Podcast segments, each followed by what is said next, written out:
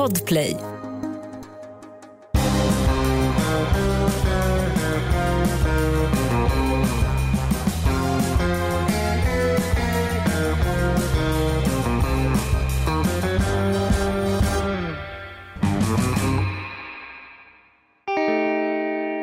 Välkomna till krimpoddarnas krimpodd Över min döda kropp. Med mig, Anna Jinghede och med... Med Lena Ljungdahl. Ja, Ja, just nu det. är vi här igen. Ja. Det är vecka två av följetongen om försvinnandet på Herman Amilon. Men först vill jag bara säga att jag är absolut dyngsur i håret efter att ha stått i ett strilande sommarregn och Mm. plockat lupiner. Jag tror det var länge sedan jag var så lycklig. Ja, men det är fint ju. Och jag kan bli lite så här, lupiner har ju ett oförtjänt risigt rykte ju. Ja, de är invasiva. Ja, de är invasiva, men, Man ska plocka dem. men de fyller ju sin funktion och plats i midsommartid. Mm. Problemet är att de tar väldigt mycket plats om de själva får välja. Ja. Men, men en större är anledning att plocka dem. Mm. Man ska verkligen plocka lupiner. Och det har jag gjort och jag vägrade gå in. Det bara öste ner regn och jag kände äntligen för djur och natur. Ja. Alltså gräsmattorna ser ut som att, de, som att vi är inne i oktober. ja, de är inte heller särskilt sköna att gå på. Det är som att gå Nej. på spikmatta, ungefär. Som en jävla Fakir. Ringhede. Ja. Ja, ja, ja. ja. Nej, men eh, nog sagt om det. Vi eh, har en ny vecka framför oss och vi ska ju dundra igenom det här upplösningen och det här spännande caset och sen ska ju du komma med en jätte, jätteviktig lista på slutet. Mm. Ja, men så är det ju tänkt att bli idag. Mm. Och jag är ju orimligt nyfiken på det här caset, fortsättningen på det. Alltså har ni inte hört förra veckan så, så skulle jag nog föreslå att man lyssnar på det först. Ja, det, det tror jag är en bra idé Men faktiskt. som en liten, som en liten look-öppning så ska jag bara ta en kort resumé.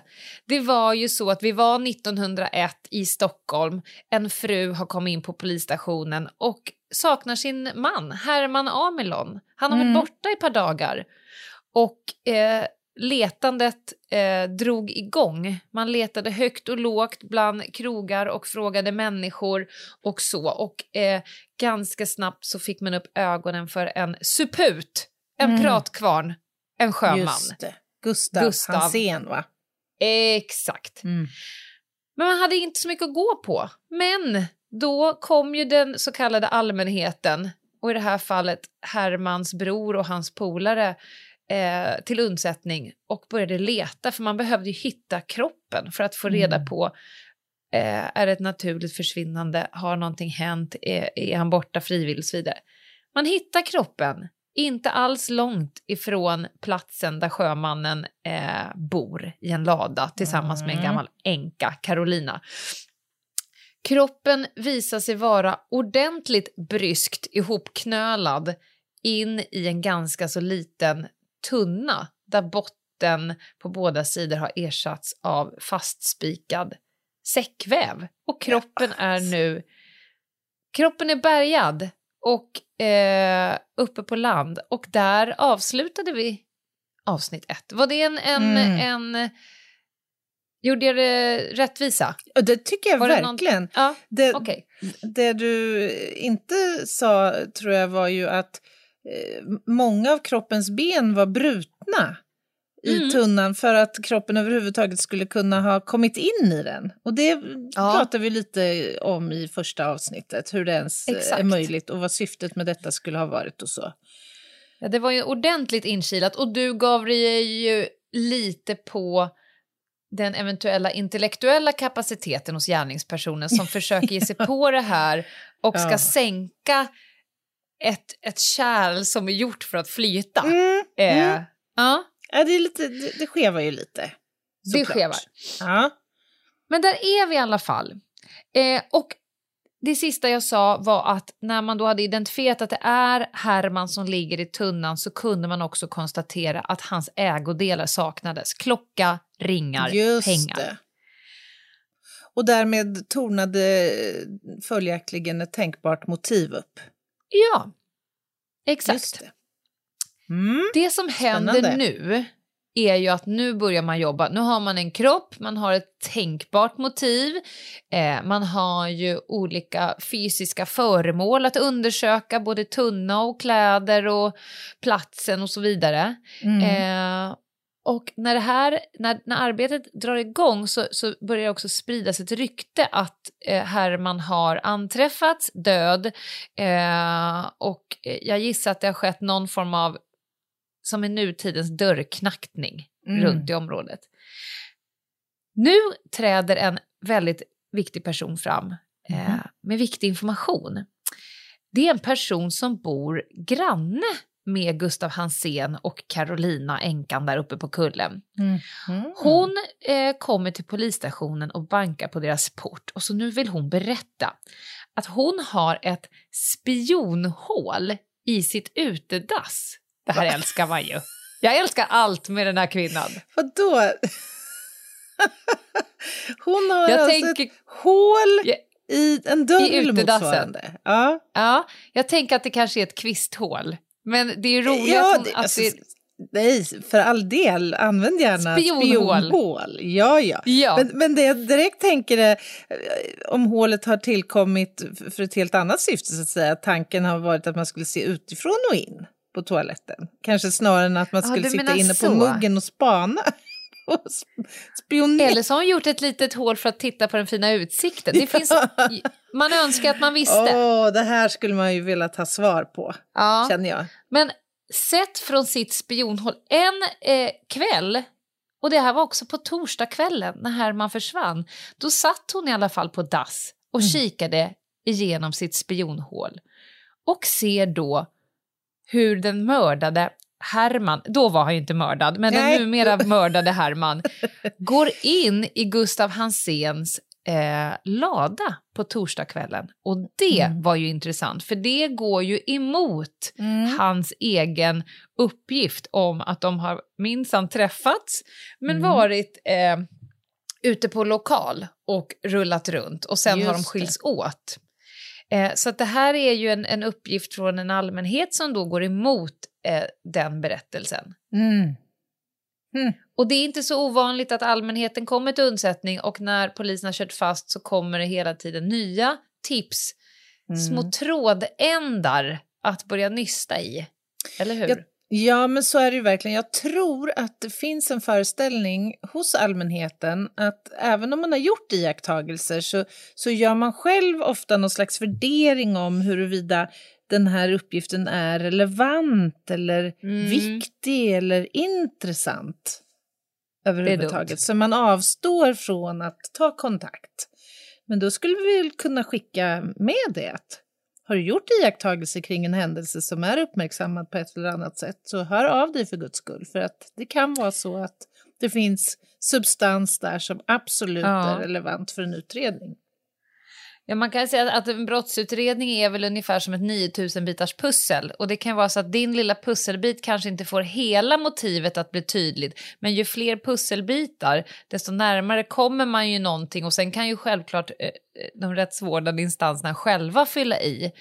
Eh, det finns ju flera av våra mest kända brottsutredningar eh, utredningar i Sverige har ju löst sig. För att det har legat en hel hög med tips på bordet som man kanske inte börjar rodda med direkt.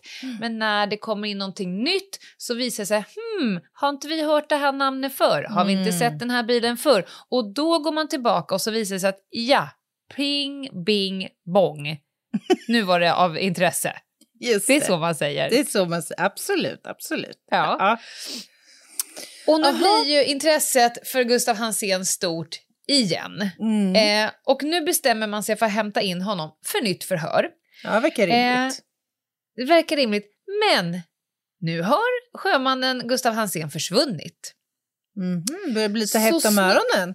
Eh, Ja, kanske. Så snart ryktet om Amil, att, att Herman Amilon hade hittat stöd så hade han försvunnit från sin lada eh, uppe på klippan. Och den är ju alltså, om man är jättebra på kast med liten boll, Mm. alltså du vet de här som, som stod längst bak när man spelar brännboll för att skicka, ja, ja, ja. för att inte behöva skarva fram till brännan. Den personen hade kunnat i princip kasta en sten. Från platsen där han, eh, sjömannen, bor i ladan till eh, platsen där eh, tunnan hittades. Ett, ett väldigt långt stenkast. Mm, Mm. mm, mm. Han var i alla fall borta. Eh, och den här änkan Carolina, hon visste absolut inte var han eh, har tagit vägen någonstans. Nej. Jag får ju lite vibb på henne. Får man inte det? Ja, men alltså det är klart man får. Hon är ju ändå den som kanske har bäst koll här på Gustavs förehavanden. Ja. Eftersom de trots allt bor tillsammans. Så det kan man ju tänka sig. Ja, och om eh, tanten på dasset med spionhålet också har sett Herman i ladan, då borde hon ju minnas det. Mm, mm, kan man tycka. Att de hade så. Och då vill jag ta i Folkbildningspoddens anda lite eh, information här igen. Mhm. Eh, nowadays så finns det eh, någonting som heter eh, skyddande av brottsling. Mm. Om man döljer den som har förövat ett brott, hjälper honom eller henne att undkomma, Mm. undanröjer bevis om brottet eller på något annat sätt motverkar att det uppdagas eller beivras, då döms man för skyddande av brottsling till böter eller fängelse i högst ett år. Det är ett brott, helt enkelt. Så det skulle kunna vara så. Det skulle kunna visa sig i efterhand att Carolina här eh, gör, gör ett brott. Mm. Jag har inte tänkt på det tidigare, men nu när du läste upp vad som föreskrivs i brottsbalken runt det här Mm. brottet så slår det mig att, eller jag tolkar det som att det krävs någon slags aktiv handling av den som skyddar. Ja. Det räcker inte så att säga då att, vad vet jag, ljuga eller alltså bara förneka Nej. att jag har ingen aning eller utan du måste liksom Nej. aktivt ha vidtagit någon slags handling. Ja, man tänker så här, om det kommer en, en person och knackar på din dörr hemma Mm. eh, och, och vill bli inbjuden på en kopp kaffe och du Mhm. bjuder in den här personen och du vet att den här personen är efterlyst för ett brott, Mm. då behöver du inte, du gör dig inte skyldig till ett brott om Nej. inte du ögonblickligen ringer till polisen. Utan det krävs ju lite mer Ja. Eh, men i det här fallet när någon polisen aktivt frågar och hon säger nej jag har ingen aning och så vidare. Då, nu gör ju personen aktiva val för att, för att ja, undanhålla just det, för information. att försvåra. Om ja, den-. Ja, Mm. Om det nu är så att hon faktiskt vet. Det, det Mm, kan mm. vi inte säga, men det finns i alla fall ett brott som, som då ska eh, göra att inte människor kan hjälpa brottslingar. Lagens långa arm ska nå fram och du ska inte eh, sätta den i metella så som det är sagt. Just det. Ja. Precis. Så Var inte metellan. Nej. Eh, polisen börjar nu fråga runt bland de här superkompisarna. Vi pratade om dem förra gången. Mm. Bagar-Anders och Skånske Per och så vidare.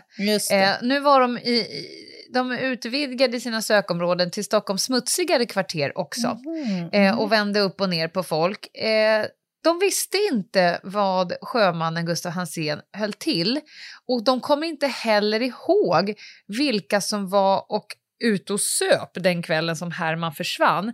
Däremot kunde ingen av dem minnas att de hade sett sjömannen Mhm. ute på krogen den kvällen. Nej, okej.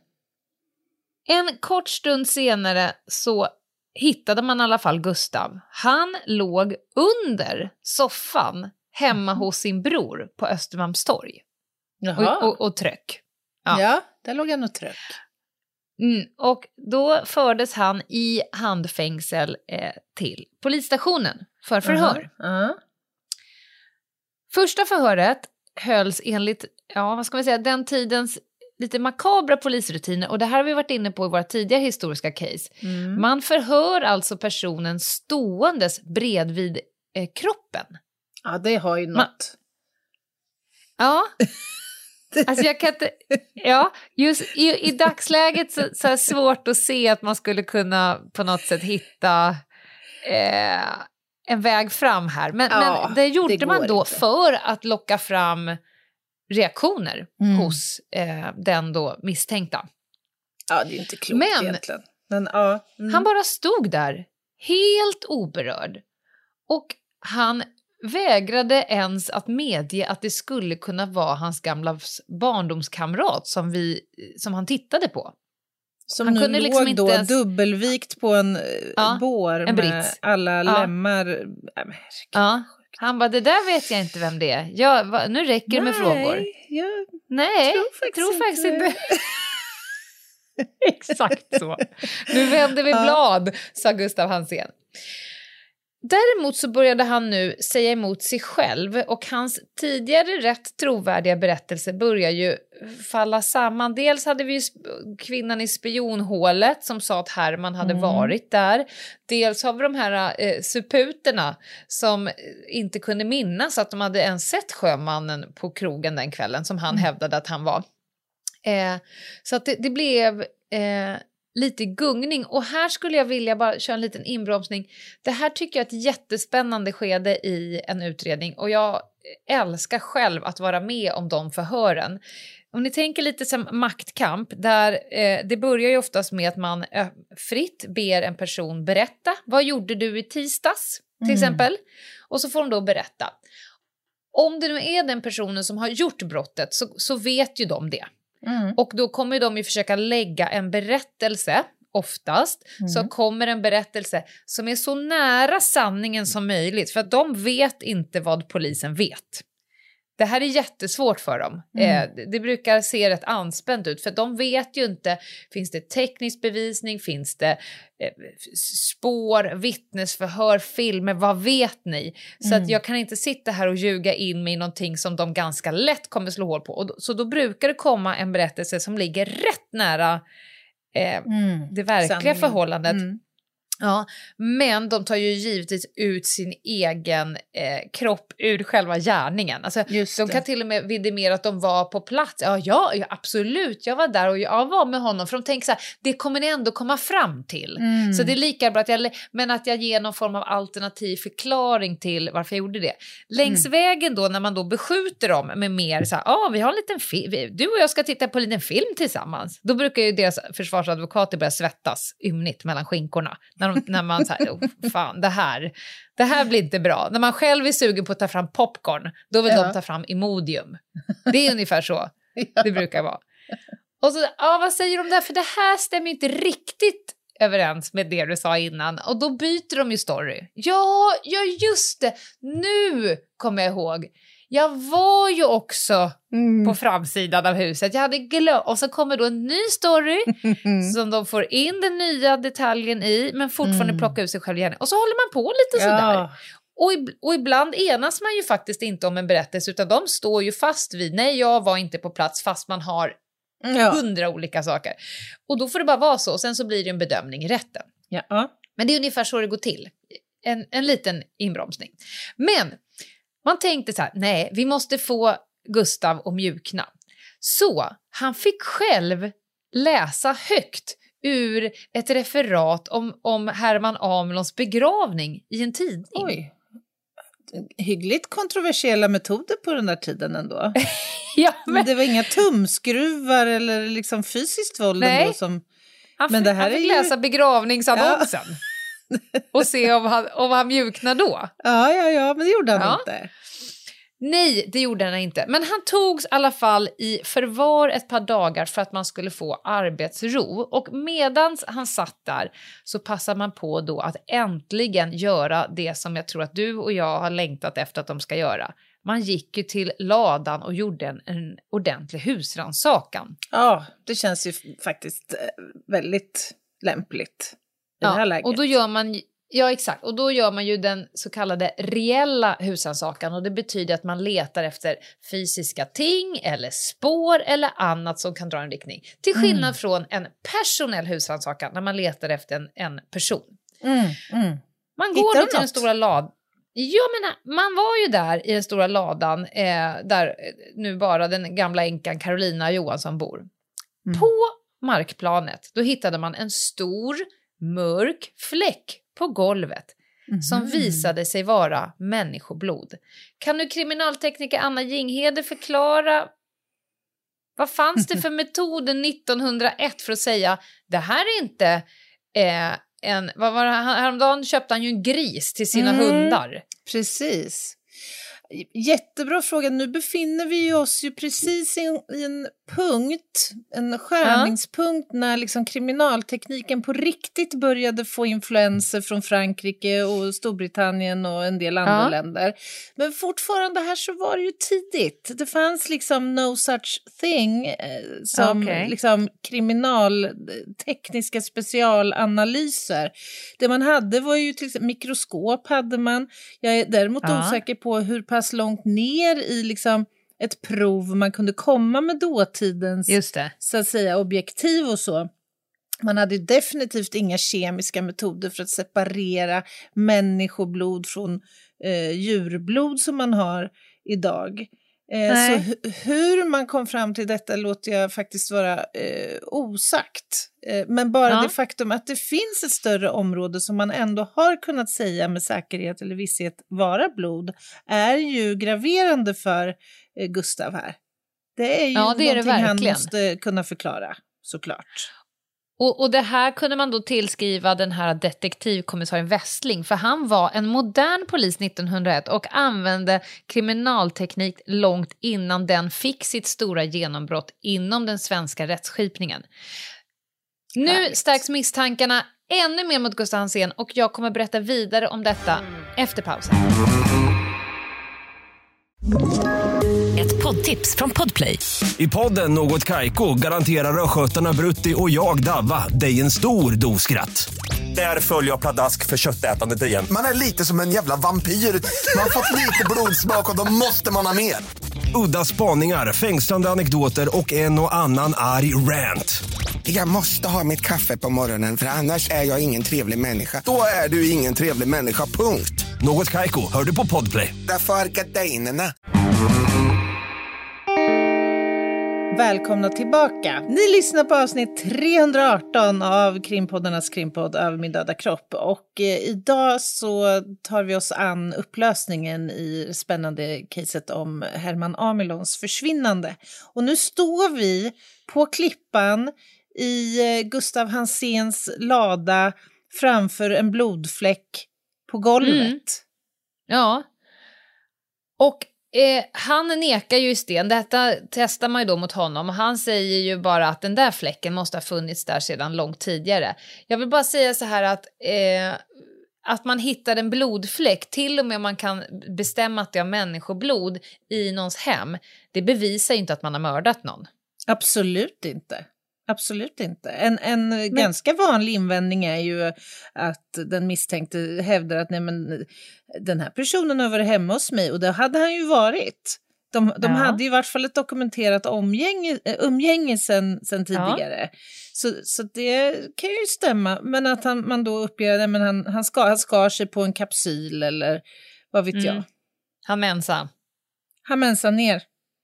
Mm. Det så, Eller något annat. Eller något Som, som, skulle kunna ha hänt. Ja.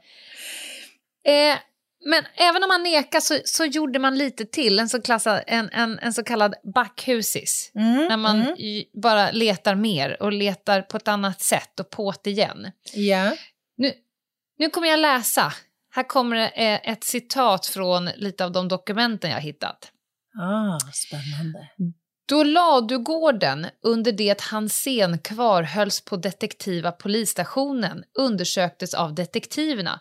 Skedde detta med stor risk. Enär den förut nämnda tiken Snå jämte en annan stor Sankt Bernhardshund höllos instängda i ett så kallad vagnslider med en åt ladugården vettande dörrglugg som istället för dörr var försedd med glest påspikade träribbor. Båda hundarna voro så ilskna att de uppträdde som fullkomliga lejon. De beto i träribborna så att stickorna yrde omkring dem vid detektivernas inträde i ladugården. Och det kunde när som helst befaras att hundarna skulle lyckas taga sig ut ur själva ladugården. Detta inträffade lyckligtvis icke. Mm. Mm. Kan man bara få har du varit på brottsplatser med djur oh, på plats som behöver hanteras? Ja. Hell yes. Berätta. Ja, ja, ja, ja, ja. Nej, men alltså det är ju inte alls ovanligt eh, Nej. egentligen. Och det behöver inte vara ilskna hundar. Det kan vara, en av de senaste platserna jag var på så var det fem eller sex kattungar som sprang omkring där inne. Och då måste man ju försöka ta om hand såklart Mm. på något sätt. Dels för djurets egna skull så att säga. De måste ju få Mm. skyddet och, och liksom allt det där. Men det är ju förödande för en brottsplats och särskilt en plats där det finns blodprodukter eller blodspår. Mm. Eftersom det man får är 10 000 kattassar istället som breder Ja. ut alla de här spåren. Och så Ja. Att, ja. Ja, men det, är, det är faktiskt ibland ganska utmanande. Och sen är det ju så att de blir ju ibland rädda när man kliver in. Det är främmande Stressade, människor, det är ja. buller och stressade. Och så ska man då få tag i dem. Alltså det, ibland så är det ju skådespel av rang Ja, som utspelar Jag skulle, sig. Jag skulle precis säga det. Ni kan försöka se framför er en bättre buskisteater Ja. när Stefan och Christer springer runt och smäller i dörrar. Eh, det är också skydd för poliserna. Alltså, jag Ja, har ja. ibland, bara, vad fan gör vi? Vi kan inte gå in. Det står ju någon blodtörstig jävel på dörrmattan Mm. och bara... Du vet, man får ju peta in någon gammal råbiff genom eh, Ja, ja. brevinkast och tänka att vi har 30 sekunder på oss. Till och med tänka sig i värsta fall måste vi skjuta. Eh, Det det, får ju inte hända. Nej. Men, men det är ju katter och djur och flygande papegojor har jag varit med om Ja. två gånger också. Ja. Varav I det ena fallet så var det en gammal, gammal papegoja som satt och pratade och skrek under åtskilliga dagar på denna plats. Alltså jag höll på att tappa det fullständigt. kan jag säga. Ja, gud. Ja, men det är Ja. många roliga minnen man har av djur. Men, eh, och sen ska man ju också säga så här att när man lämnar och man tänker att det kommer inte, eh, lägenhetsinnehavare, husse Matte kommer inte komma hem, då tar ju poliserna med sig djuren. Eh, och, och tillser, eller på något annat sätt med grannar, syrror, något måste lösas så att inte djuren eh, går åt där inne. Just det. Nåväl, eh, den här gången de gjorde husrannsakan, då var eh, kommissarie Westling själv på plats eh, för att se till så att inga detaljer missades.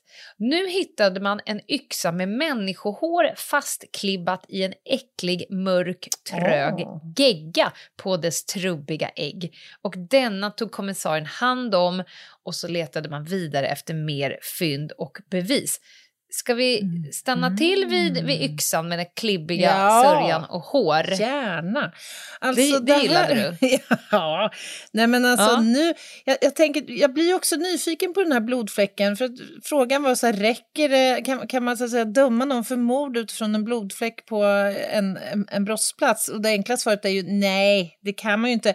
Det men låt, inte. Säga, låt säga att den här blodmängden skulle vara, och det händer ju ibland att vi jobbar med kemiska metoder och framkallar blodspår och kan konstatera att nej, men alltså, det måste ju vara fråga om tre, fyra, kanske liter blod Ja, som har tömts ut En på dödande yta. mängd. En, ja. Precis. Då ställs ju saken i en annan dager. Liksom. ja. Så skulle man nu ha yxan och det visar sig vara blod på den och det blodet överensstämmer och, och här fick man då kanske titta på blodgrupp eller blodtypning ja. utifrån de primitiva metoder som fanns då överensstämmer med blodet på golvet. Ja, men då ja. Nu börjar vi närma oss. ju närma oss i alla fall kanske att levla upp lite på misstankestegen Ja. så att säga. Absolut. Så det är många parametrar där själva blodet eh, och eh, vems blod det är, men också som du säger mängden blod. En människa kan inte bli av med så här med mycket blod med mindre att den kommer att avlida. Eh, det säger ju mer än att jag har fått ett litet papirkytt och klämt Ja, ut en precis. bloddroppe. Ja. Man utökade också sökningarna till området utanför ladan, utomhus. Och under Mm. ett träd då hittade man träbitar som såg ut att komma från en tunna. Och då tänkte man kanske en botten som hade huggits ut. Vad vet vi, tänkte de. Mm. Och för att verkligen göra bevishögen riktigt diger så hittade man också några repstumpar bundna vid ett träd som såg ut att passa utmärkt ihop med den säckväv som hade spikats för den här tunnans båda bottnar. Westling, som var en smart och envis och framstegsvänlig eh, detektivkommissarie, han lyckades ju med ett idogt utredningsarbete eh, spåra tunnan till en Otroligt. engelsk Ja, till en engelsk firma som befinner sig i Sverige men som importerar fläsk från England till Sverige. Helt otroligt ju. Och då Alltså- visar det sig att just den här tunnan har sålts till en Tata Gustav Hansén. Ja, Alltså, vi, vi måste ju komma ihåg att vi befinner oss 120 något år tillbaka i Ja, ja. tiden.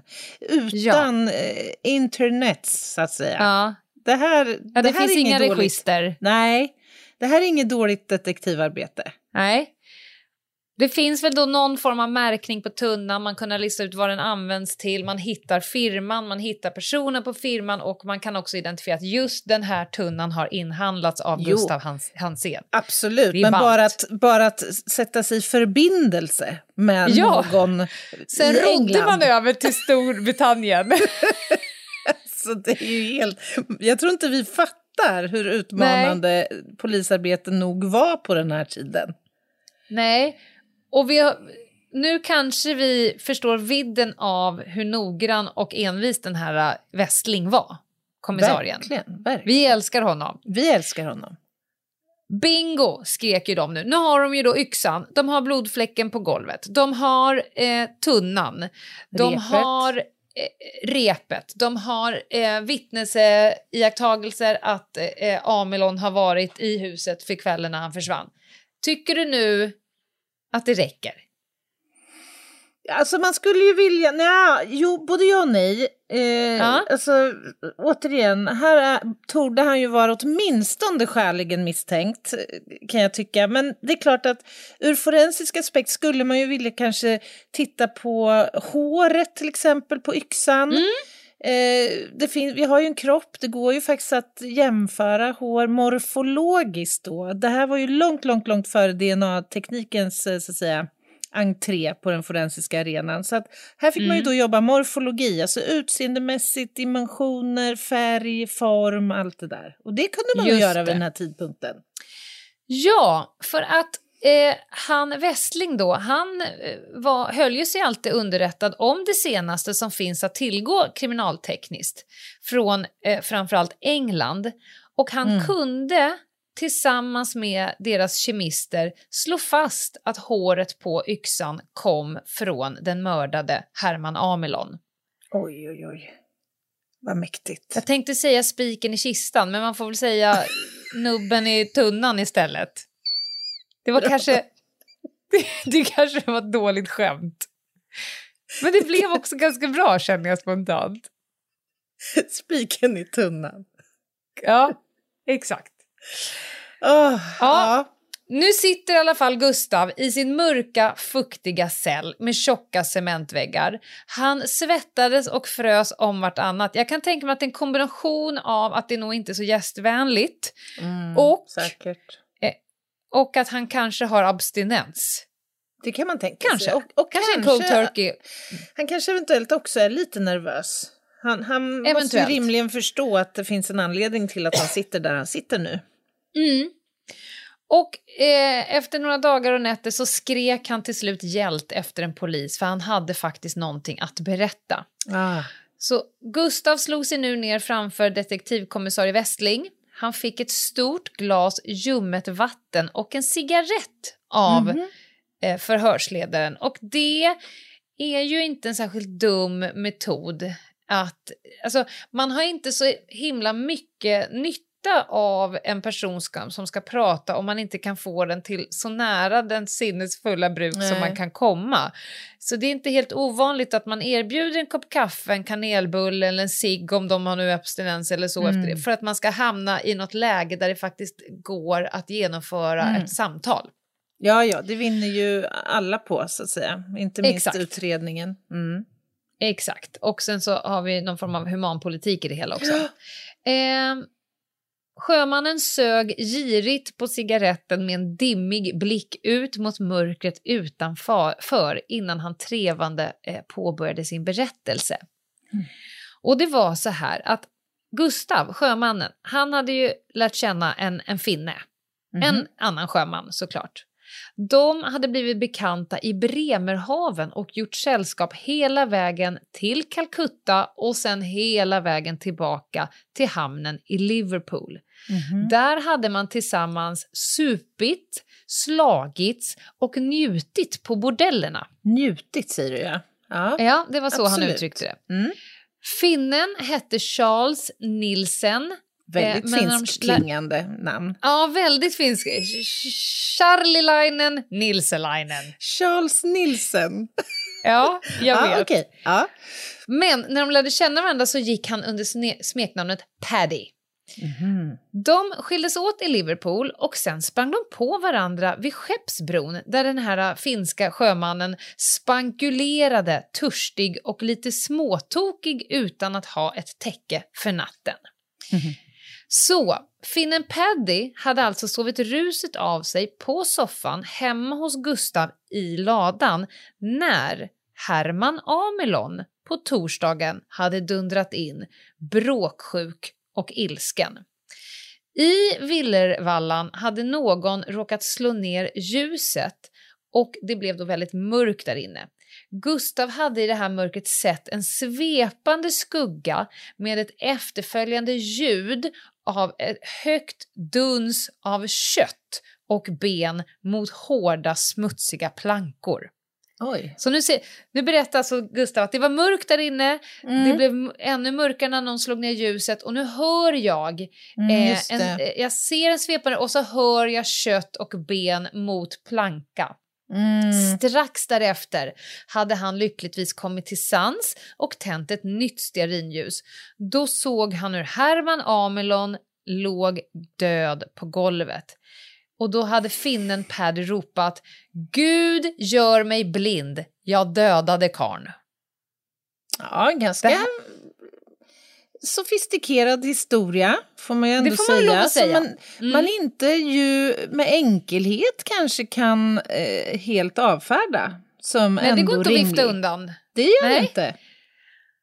Eh, och då säger han så här, det var han som delade ut det dödande slaget mot Herman och det är hela sanningen. Det intygade Gustav Hansén inför sin förhörsledare, kommissarie Westling. Och sen blev det tyst i rummet. Det var bara Moraklockan som tickade. Jag tycker ändå att man får så fantastiska inblickar i en värld. Hur många förhör har du hållit med Moraklocka som tickar i Oj. rummet? Väldigt få. Jag har ju inte hållit särskilt många förhör överhuvudtaget i en sån miljö, ska sägas. Nej. Ute på gator Nej. och torg desto fler. Men alltså, nej. Ja. Nej, det, men det är ändå... Jag tycker att det är fin, sån här, vad säger man, en historisk ögonblicksbild. Ja, men däremot, alltså jag kan ju relatera till stämningen som måste ha varit där inne. Jag har ju tagit del av väldigt många förhör hållna av våra vassaste liksom, förhörsledare. Ja.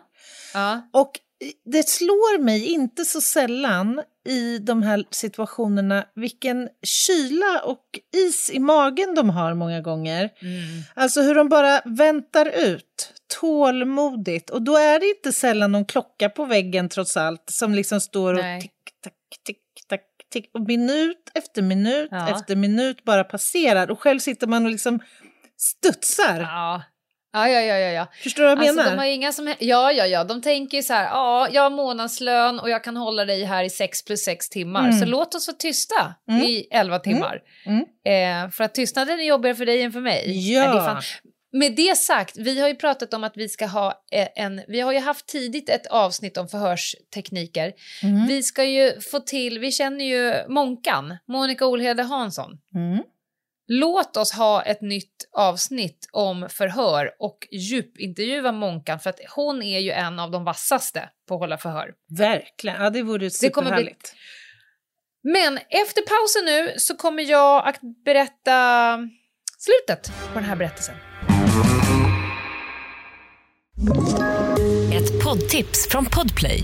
I fallen jag aldrig glömmer djupdyker Hasse Aro i arbetet bakom några av Sveriges mest uppseendeväckande brottsutredningar. Går vi in med hemlig telefonavlyssning och, och då upplever vi att vi får en total förändring av hans beteende. Vad är det som händer nu? Vem är det som läcker? Och så säger han att jag är kriminell, jag har varit kriminell i hela mitt liv men att mörda ett barn, där går min gräns. Nya säsongen av Fallen jag aldrig glömmer på Podplay. Jag välkomnar tillbaka. Eh, vi har haft en liten paus. Vi befinner oss i avsnitt 318 och del 2 av försvinnandet och sedermera mordet på Herman Amilon. Amilon. Tack. Ja, Tack, Lena. som han heter. Hette. Hette. Och du var ju inne på det här att eh, han kommer ju nu med en ny story och det är ju en klassiker som jag berättade tidigare att okej, nu beskjuts jag med information som är graverande och då behöver jag komma med en ny berättelse som eh, på något sätt placerar mig i den platsen men ändå tar gärningen ifrån mig. Och Mm. den var ju så pass rimlig så att det går inte att vifta undan. Det går inte att säga att det inte var precis så som han eh, berättar. Nej, nej. Så, den noggranna Westling, han skickar nu ut en internationell efterlysning. Otroligt nyfiken på hur det går till 1901 känner jag. Ja, jag också. Verkligen. Satt man då med, med kartotek, så att säga. Här är svenska kartoteket, här är Ja, men, tyska ja, men jag ser kartotek. framför mig liksom som en bild ur typ Downton Abbey. Alltså när det kommer så en människa i, i, i nästan uniform med en väldigt Just rolig det. hatt med någon form av Med telegram bud. som han Ja. vicklar ut ur sin innerficka och, och säger jag söker Mr någonting. Ja, ja, ja, det, måste, det måste ha gått till på typ det sättet. Ja. Tro. Och han kände så här, det här är ju ett utmärkt tillfälle att få kontakta Scotland Yard. Det här är någonting som kommissariedetektiven Westling har drömt om i hela sitt Ja. yrkesliv, att få samarbeta med Scotland Yard. Coolt. Jag har ju haft den stora ynnesten att få eh, åka på stipendieresa till ja, eh. England. och hänga med det här gänget. Det var jättekul. Nåväl. ehm, och svaret kom ganska snabbt från Scotland Yard. De hade då kollat. Och lyssna på det här svaret. Ingen i hela världen känner till någon Charles Nielsen, a.k.a. Paddy. Det finns ingen spår om att en så, nådan, sådan person någonsin har funnits. Hmm. Det är spännande att få det som svar. Verkligen. Nej, nu har vi gjort vår lilla grej här på Scotland Yard. Vi kan bara konstatera att det där är en person som inte finns. Ah, Punkt. Man undrar hur arbetet gick till. ja, ska man ut verkligen. på alla sjöskepp, som det heter, och kolla. Är det någon som har hört talas om Paddy någon gång? Men det är ett otroligt kreativt ändå namn han kommer upp med. Ja. Charles det tycker jag. A.k.a. Paddy. Och Ja. sett till hur lögner brukar gå till så skulle jag inte bli så jätteförvånad om typ Gustav Hansén i sin barndom hade typ en, en chinchilla som hette Paddy. Det kan man tänka sig. Man, Att han tog okej, det som där- låg honom kanske in- nära till hans. Ja, exakt. Det kanske Mm. inte var så tro, troligt att det var en chinchilla, men en, ett husdjur som heter Paddy. Eller att han Mm. själv... Alltså det brukar, de här lögnerna brukar plockas från nära kontext. Just det. Eh, men han envisas i alla fall med att skylla på den här finska sjömannen som uppenbarligen bara han själv hade träffat. Ja. Nu blev det då en rättsprocess och Gustav Hansén valde att sköta sitt eget försvar. Kan vi prata lite om det? Uff, jag, jag tycker det låter väldigt djärvt och dumdristigt. Ja. Faktiskt. Han, alltså, de bevis som har presenterats för honom är ju faktiskt ganska eh, graverande för honom. Ja, vi Och skuldfrågan. Ja. Ja. Och det är mycket som står på spel också, tänker jag. Jag har ju varit vid ett par rättegångar när personer misstänkta för brott gör så, väljer att, att eh, vara sitt eget eh, försvar. Och sett till personlighetstypen, eh, det går ju sällan bra, ska jag säga. Men det blir så tydligt det här, eh, det narcissistiska, den Övertron. grandiosa Ja, övertron, det narcissistiska, den, den grandiosa självbilden. Mm. Eh, det blir så himla tydligt så att man nästan så här, någon måste göra den stora sinnesundersökningen på den här personen. Eh, och jag pratade med en person som gör de här undersökningarna på några av våra värsta eh, fall i Sverige och han sa så här, jag brukar eh, när jag ska göra den liksom, samtalen så, så ber jag att få rummet först så att jag står vid rummet och sen så öppnar jag dörren och då är det en lång korridor. När de kommer in med personen för att göra den här rättspsykiatriska då, då går de i den här långa korridoren mot rummet där han då ska ta emot som, Mm. som en rättspsykiatriker. Och då sa han det att jag kan nästan på sättet de för sig, på steget, på blicken och på handslaget. Innan de har kommit fram till mig, säg att det är 30 meters gång, Mm. så har jag en ganska klar bild av hur den här personen... För det går inte att komma längst ner på skalan. Du är liksom inlåst, du är i, i vårdens Mm. kläder, du ska undersökas för, för ditt psyke. Om du då ändå lyckas liksom känna att du är on top of things, det Mm. säger jävligt mycket. Jag behöver inte ens prata med personen innan jag gjort klart analysen. Det visade sig då vara otroligt korkat. Eh, man hade tunnan, repen, blodfläcken, yxan, vittnes eh, iakttagelse och så vidare. Håret. Ja. Håret, det fanns så mycket. Eh, och detta ledde till att den 14 juni 1902 dömdes Gustav Hansén mot sitt nekande till döden. Oj. Eh, och det här var något som var mycket unikt för svenskt eh, rättsväsende. Mm. Och det gick till hovrätten, de fastställde domen den 9 oktober samma år. Men den 24 april 1903 då ändrade Högsta domstolen eh, dödsstraffet till att istället för bli, eh, Mm. bli till livstids straffarbete.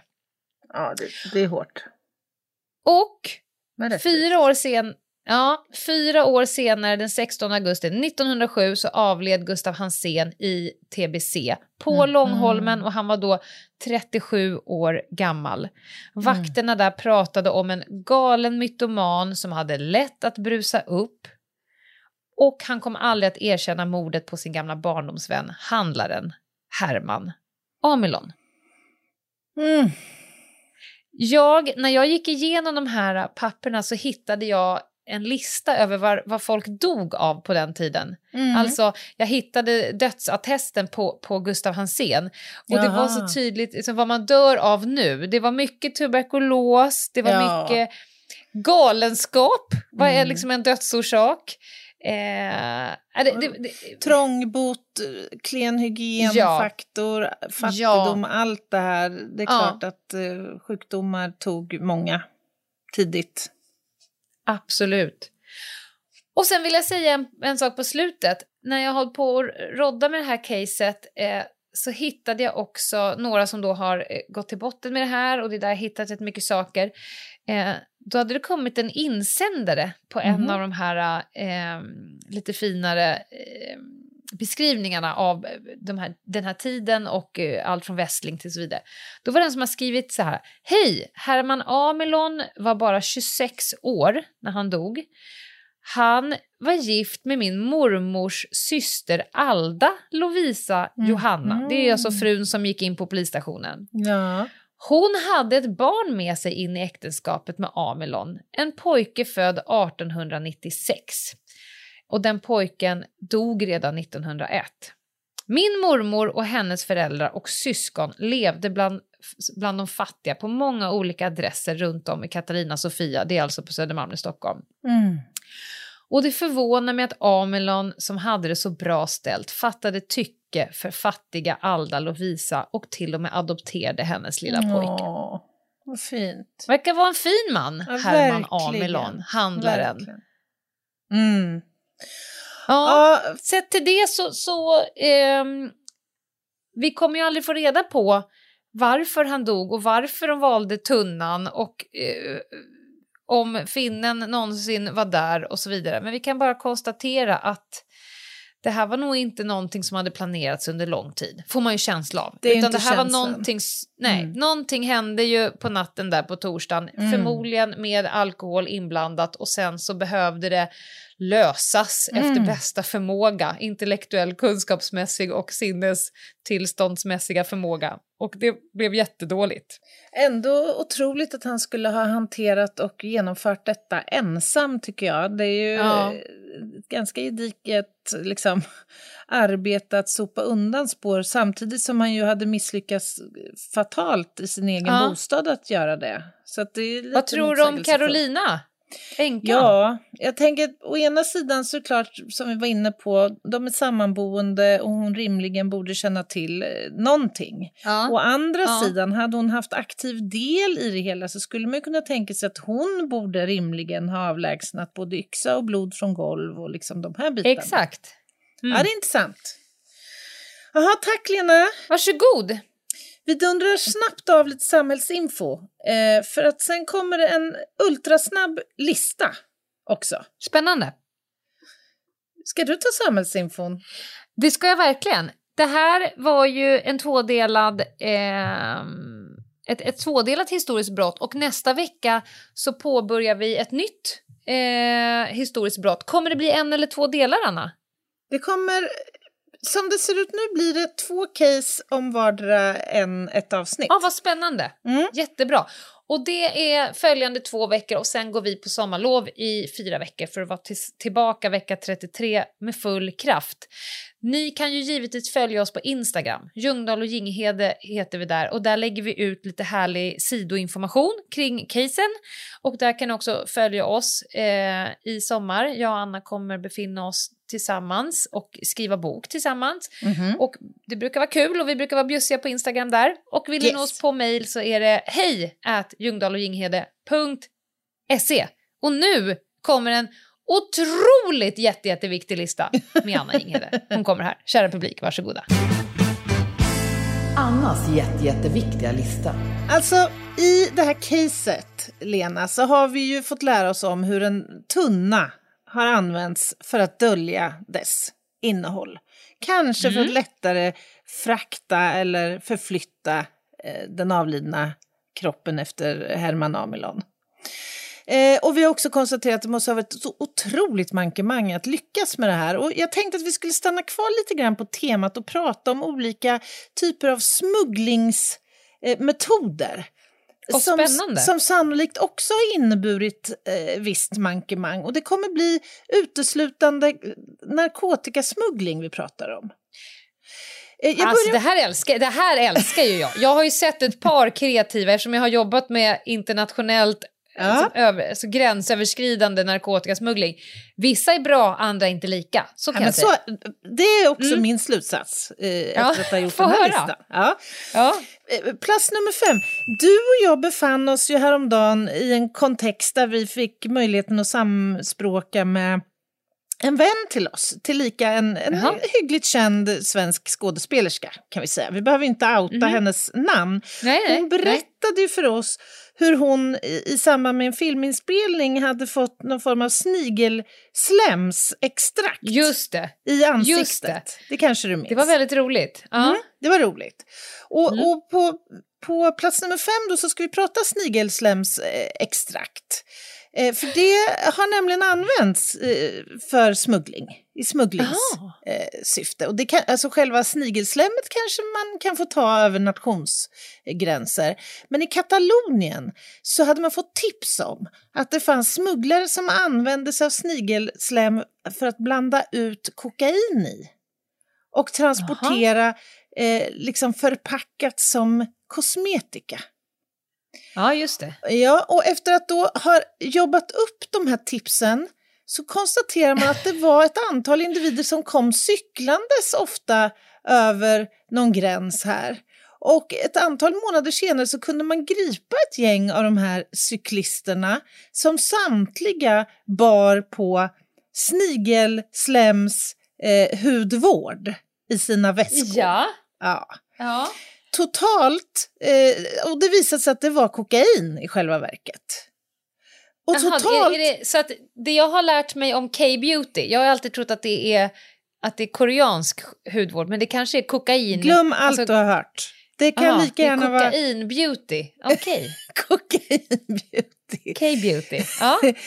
Lyssna på den här mängden. I de här små burkarna då, när de extraherade kokainet så kom de upp i en mängd av 4,5 kilo kokain. Det är mycket, jag tänker att det är mycket snigelslem som så att säga ska till för att åstadkomma detta. Jävlar Ja. vad slem och cyklister man måste vad- ha. 22 kokainsmugglare totalt. 22? Ja. och 4,5 kilo eh, sjukt. Kreativiteten som framhävs när Ja. pengarna ska in, den är, är återkommande. Den är sagolik. Plats nummer fyra. Låt oss prata om Viktor Tvarts.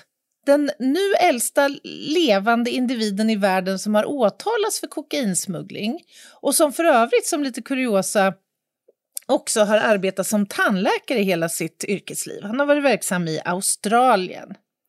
Storyn med Viktor, eh, i alla fall hans egna uppgivna, är att han vid något tillfälle skulle ha blivit kontaktad eh, via internet eh, av något, något slags indiskt gäng. Mm. Eh, och storyn är som alltid, det vill säga att han fick ett erbjudande om att ta sig till Delhi eh, och frakta en eh, stor mängd fin tvål från Jaha. Delhi till Australien. Och för detta besvär skulle han då få eh, en del pengar. Tvålsmuggling. Ja, jag tror faktiskt att, jag tror att Viktor var runt de 90 när detta Oj! begav sig. Ja. Ja. Han eh, kontrollerade också tvålen vid överlämningen, säger han senare i förhör. Och han tyckte sig se vi, liksom någon slags vita stråk i tvålarna. Vilket förklarades med att det var fråga om något extra parfymextrakt som hade bäddats in. Ja, ja, ja, ja, I ja. tvålen. Mm. Men Viktor dömdes senare för att ha smugglat, eller försökt smuggla, fem kilo kokain i formen Men- av tvål, förpackat som tvålar. Ja. Alltså, hade det... Ja, jag vet, det är så dumt bara. Varför... Ja. Alltså, kan Ja, man det- inte bara nöja fakt- sig med att vara panschis då? Jobbat ett helt jävla liv som käftis. nu är det väl bara dags att liksom chilla lite. ja, man undrar ju. Vart är Bangkok Hilton eller vad? Ja, ja, jag vet faktiskt inte. Man får googla honom om man vill veta lite mer om vad som hände Ja. med Viktor Tvarts. Nu ska vi prata om en annan ungdom då på plats nummer tre. En 66-årig hjälte den här gången. Eh, som försökte smuggla kokain och stoppades på Barcelona flygplats. Eh, att han stoppades här i tullfiltret det berodde på att som hela hans appearance var lite märklig. Han bar alltså på, på ett sexpack öl och Ja. två stolar i bagaget. Eh, så de tog in honom på en, en rutinkontroll. Det är ett udda vis- bagage. Ja, ja, och dessutom så var han helgipsad på ett ben. Ja, Så gud. hela jag hans såg, liksom- Nu såg jag framför mig liksom som Jönssonligan, när man Ja. helgipsar, Ja. som gipsvagga. Ja, Och lyckas gå med två stolar. Ja, Ah, okej, ett två ben stolar. Mm. och ett sexpack bira liksom. Det är ju något. Fan vad skön. Ja. Det, det visar sig då att ja, ölburkarna och båda de här stolarna var ju ihåliga och to- alltså tömda och fyllda med cola. Så jag ser framför mig random snubbe på Tylösand Ja. på morgonen. Kommer med två Baden-Baden, Ja, ett sexpack och ett gipsat ben. brassestol. 90 procent av alla som går ut på Tylösandstrandens hus sådär. Och det sjuka var ju också då när de tog in honom på den här kontrollen så gjorde de väl någon svabbning eller vad de gjorde och eh, fick positivt utslag på det gipsade benet. Och när man förprövade gipset då så visade det sig Ja. att det gav utslag för kokain. Och, och då kan man ju tänka att det var liksom att han hade i gipset då kokain. Men nej, hela gipset var Ja, gjort av Ja. kokain. Och då, min första spontana tanke är så här, A for effort, men hade det inte räckt med bara gipset så att säga? Hade det kanske inte varit en framgångsfaktor att kanske skita i Kör lite low key. Alltså jag vet inte. Jag tycker det är helt otroligt. Det är väldigt roligt att göra sig själv totalt självmarkerande när man Ja. också har hela benet full med cola. Ja, och, och på plats nummer två, det är lite på samma tema, det här att transportera eh, kokain som föremål. Alltså, det finns det Ja. ganska rikligt med exempel Oh ja. på. Jag har läst mig till en 26-årig argentinsk kvinna till exempel som flög från Chile till Spanien med inte mindre än två hela resväskor gjorda av kokain. Och hon stoppades för att de såg så fruktansvärt tunga ut. Och det beror ju på att de är ju gjorda då av något så glasfiber och resin, alltså plastmaterial och så ska Ja, det ja. blandas med kokainet och sådär. Men jag har också hittat ett par Manolo Blahnik-skor. Eh, Tackar, ett, tackar. eller ett och samma beslag innehållandes inte mindre än 19 par flipflops och 62 väskor. Allt gjort av kokain. En 42-delars servis dekorerad med blommor. Eller varför inte en hel jävla Jesus-staty gjord av kokain. Av kokain. Alltså, det, vilken Jag kreativitet. gillar ju ändå kreativiteten, men tänk om man kunde lägga den på något annat Ja, spontant. och eh, det leder oss fram då till plats eh, nummer ett. För det finns ju ändå Ja. de här stackarna som kanske varken har skillsen eller kreativiteten att liksom tillverka en Louis Vuitton-väska av kokain, vad vet jag. Nej. Eh, och då finns det ju andra sätt. Då måste man hitta en annan lösning. Så nu ska vi till Barajas eh, flygplats där tre passagerare från Peru verkade otroligt nervösa när de skulle passera tullfiltret.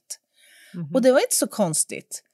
För när de tog in de här och tittade igenom deras eh, kläder, så visiterade de allt det här, så visade det sig att de hade dränkt, fullkomligen dränkt alla sina kläder som de hade på sig i kokain.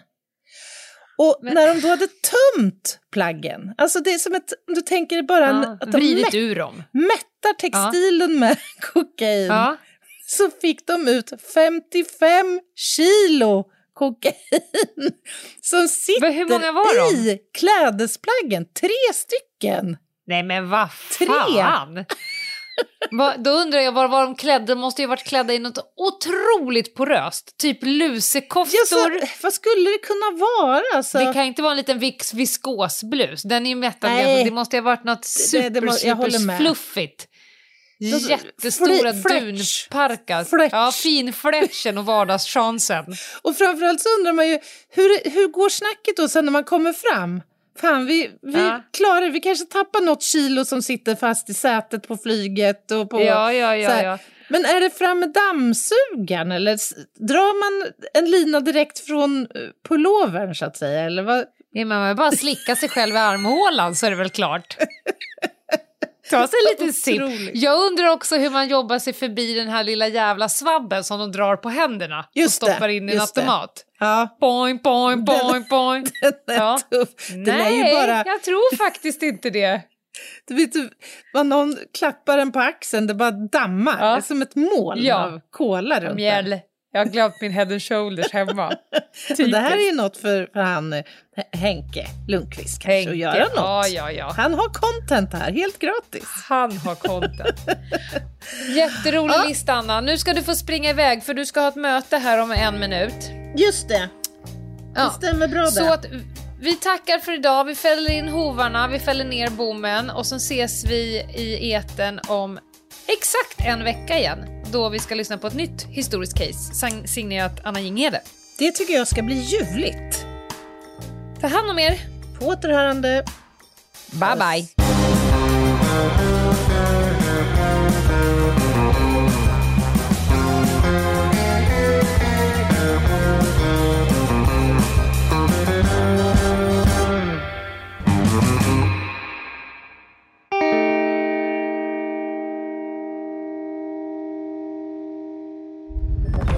Podplay, en del av Power Media. Poddtips från Podplay. I podden Något Kaiko garanterar östgötarna Brutti och jag, Davva, dig en stor dos skratt. Där följer jag pladask för köttätandet igen. Man är lite som en jävla vampyr. Man har fått lite blodsmak och då måste man ha mer. Udda spaningar, fängslande anekdoter och en och annan arg rant.